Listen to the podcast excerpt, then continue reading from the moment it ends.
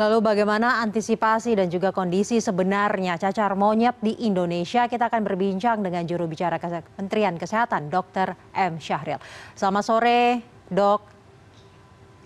Selamat sore, salam sehat semuanya. Salam sehat.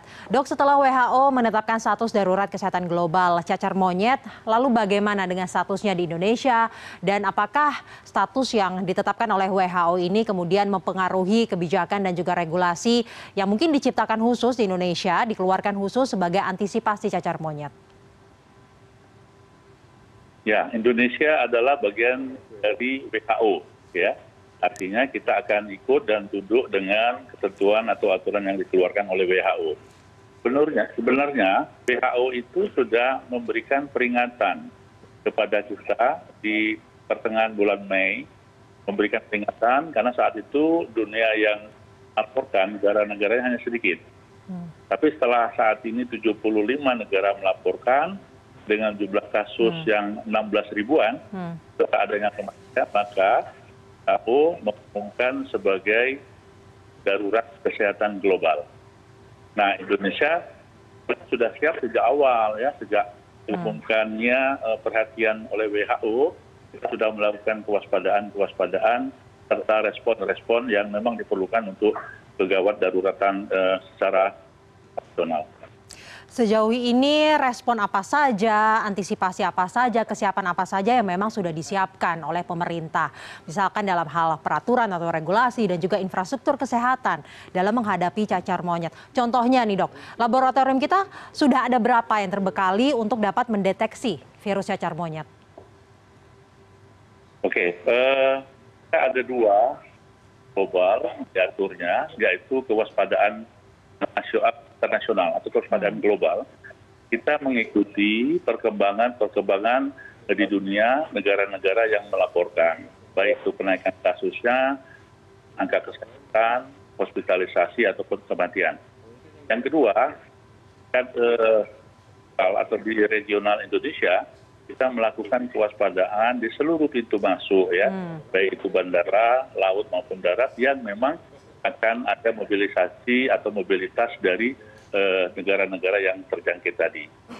Selanjutnya eh, kita sudah memberikan edaran ya baik kepada seluruh maskapai ya agar memberikan perhatian melengkapi dokumen untuk seluruh penumpang yang akan masuk ke Indonesia. Kemudian di bandara atau di juga di pelabuhan laut ada yang disebut dengan thermal scanner hmm. karena salah satu gejala pasien ini adalah demam sehingga bisa diukur uh, suhunya. Kemudian kita memberikan edaran ke seluruh dinas kesehatan, pemerintah daerah, rumah sakit, termasuk puskesmas, untuk memberikan kewaspadaan juga manakala menemui gejala-gejala atau kasus-kasus yang memang diduga ke cacar monyet ini. Hmm. Termasuk laboratorium, ya, kita sudah menyiapkan dua laboratorium di tingkat nasional, satu di Kementerian Kesehatan, yaitu di litbangkes atau bkpk saat ini. Yang kedua di laboratorium eh, institusi eh, institut pertanian bogor. Jadi kedua eh, laboratorium yang sudah disiapkan untuk bisa mendeteksi cacar monyet ini.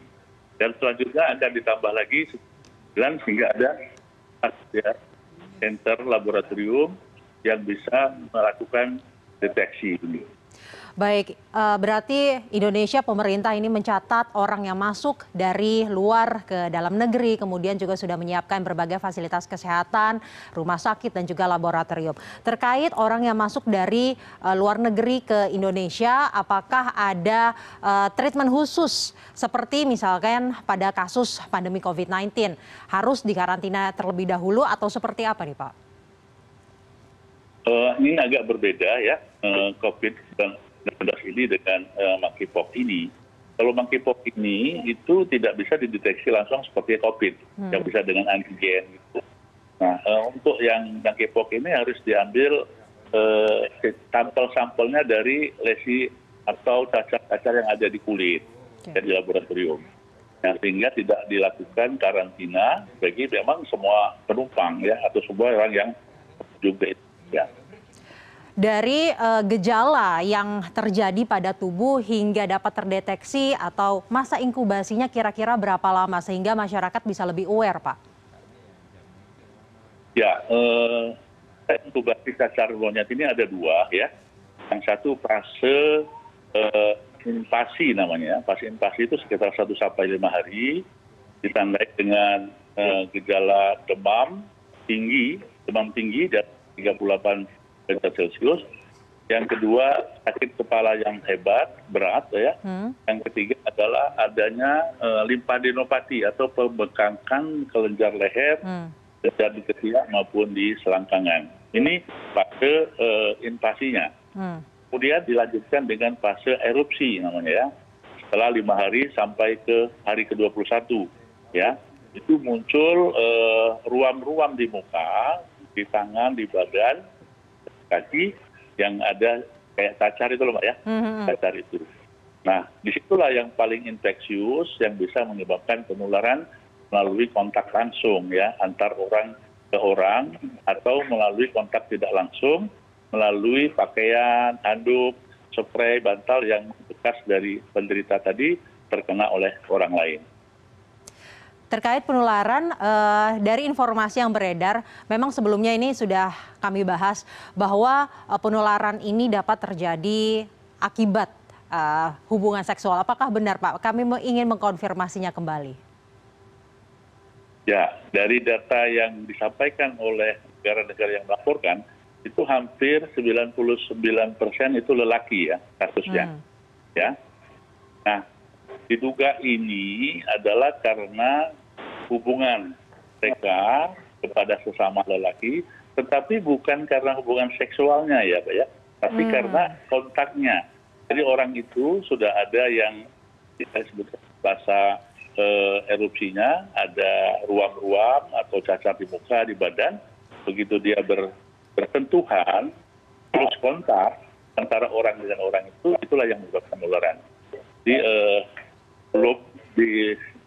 expose atau dipublish tentang uh, penularannya melalui seksual seperti halnya HIV gitu Mbak. Baik, itu artinya penularan melalui kontak langsung. Apakah uh, je, jenis penularan lain seperti dari udara ini juga bisa menginfeksi seseorang terkait terhadap cacar monyet ini, Dok? Ya, bisa juga dengan droplet ya, tapi dengan waktu yang panjang ya. Hmm. Droplet dengan waktu yang panjang dan juga bisa e, bersentuhan kontak langsung dengan binatang binatang yang sedang menderita cacar monyet. Hmm.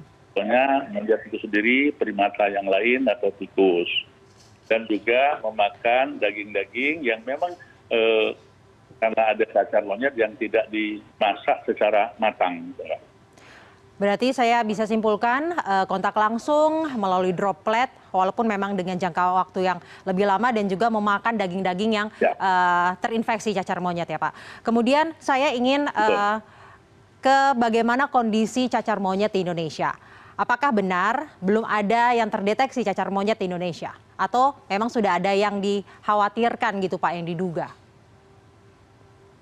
jadi sampai hari ini belum ada kasus yang positif ya konfirmasi namanya itu cacar monyet ada sembilan orang yang dulu diduga di, awal bulan Juni hmm. sampai dengan akhir bulan Juni tetapi setelah dilakukan eh, investigasi pemeriksaan laboratorium dan dilakukan pemeriksaan pemeriksaan yang lain ternyata kesembilan itu eh, negatif tidak ditemukan cacar monyet di dalam Eh, apa namanya usapan sampel dari cacar yang ada.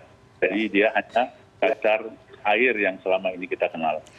Bapak, jika ada yang terkonfirmasi uh, positif terinfeksi cacar monyet, apakah butuh perawatan khusus seperti pandemi COVID-19? Karena kita hingga saat ini masih dalam pandemi COVID-19, Pak.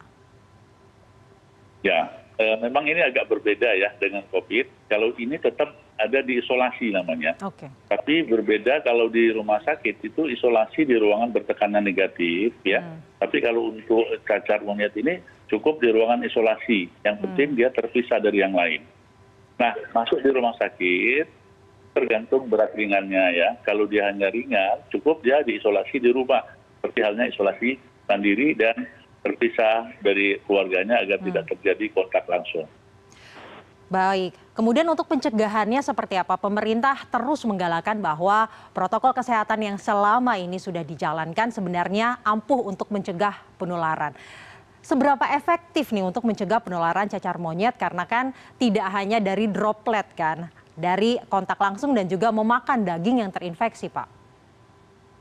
Ya, sama memang gerakan THBS, Mbak ya, perilaku hidup bersih dan sehat menjadi uh, apa pegangan utama, kebutuhan utama bagi kita.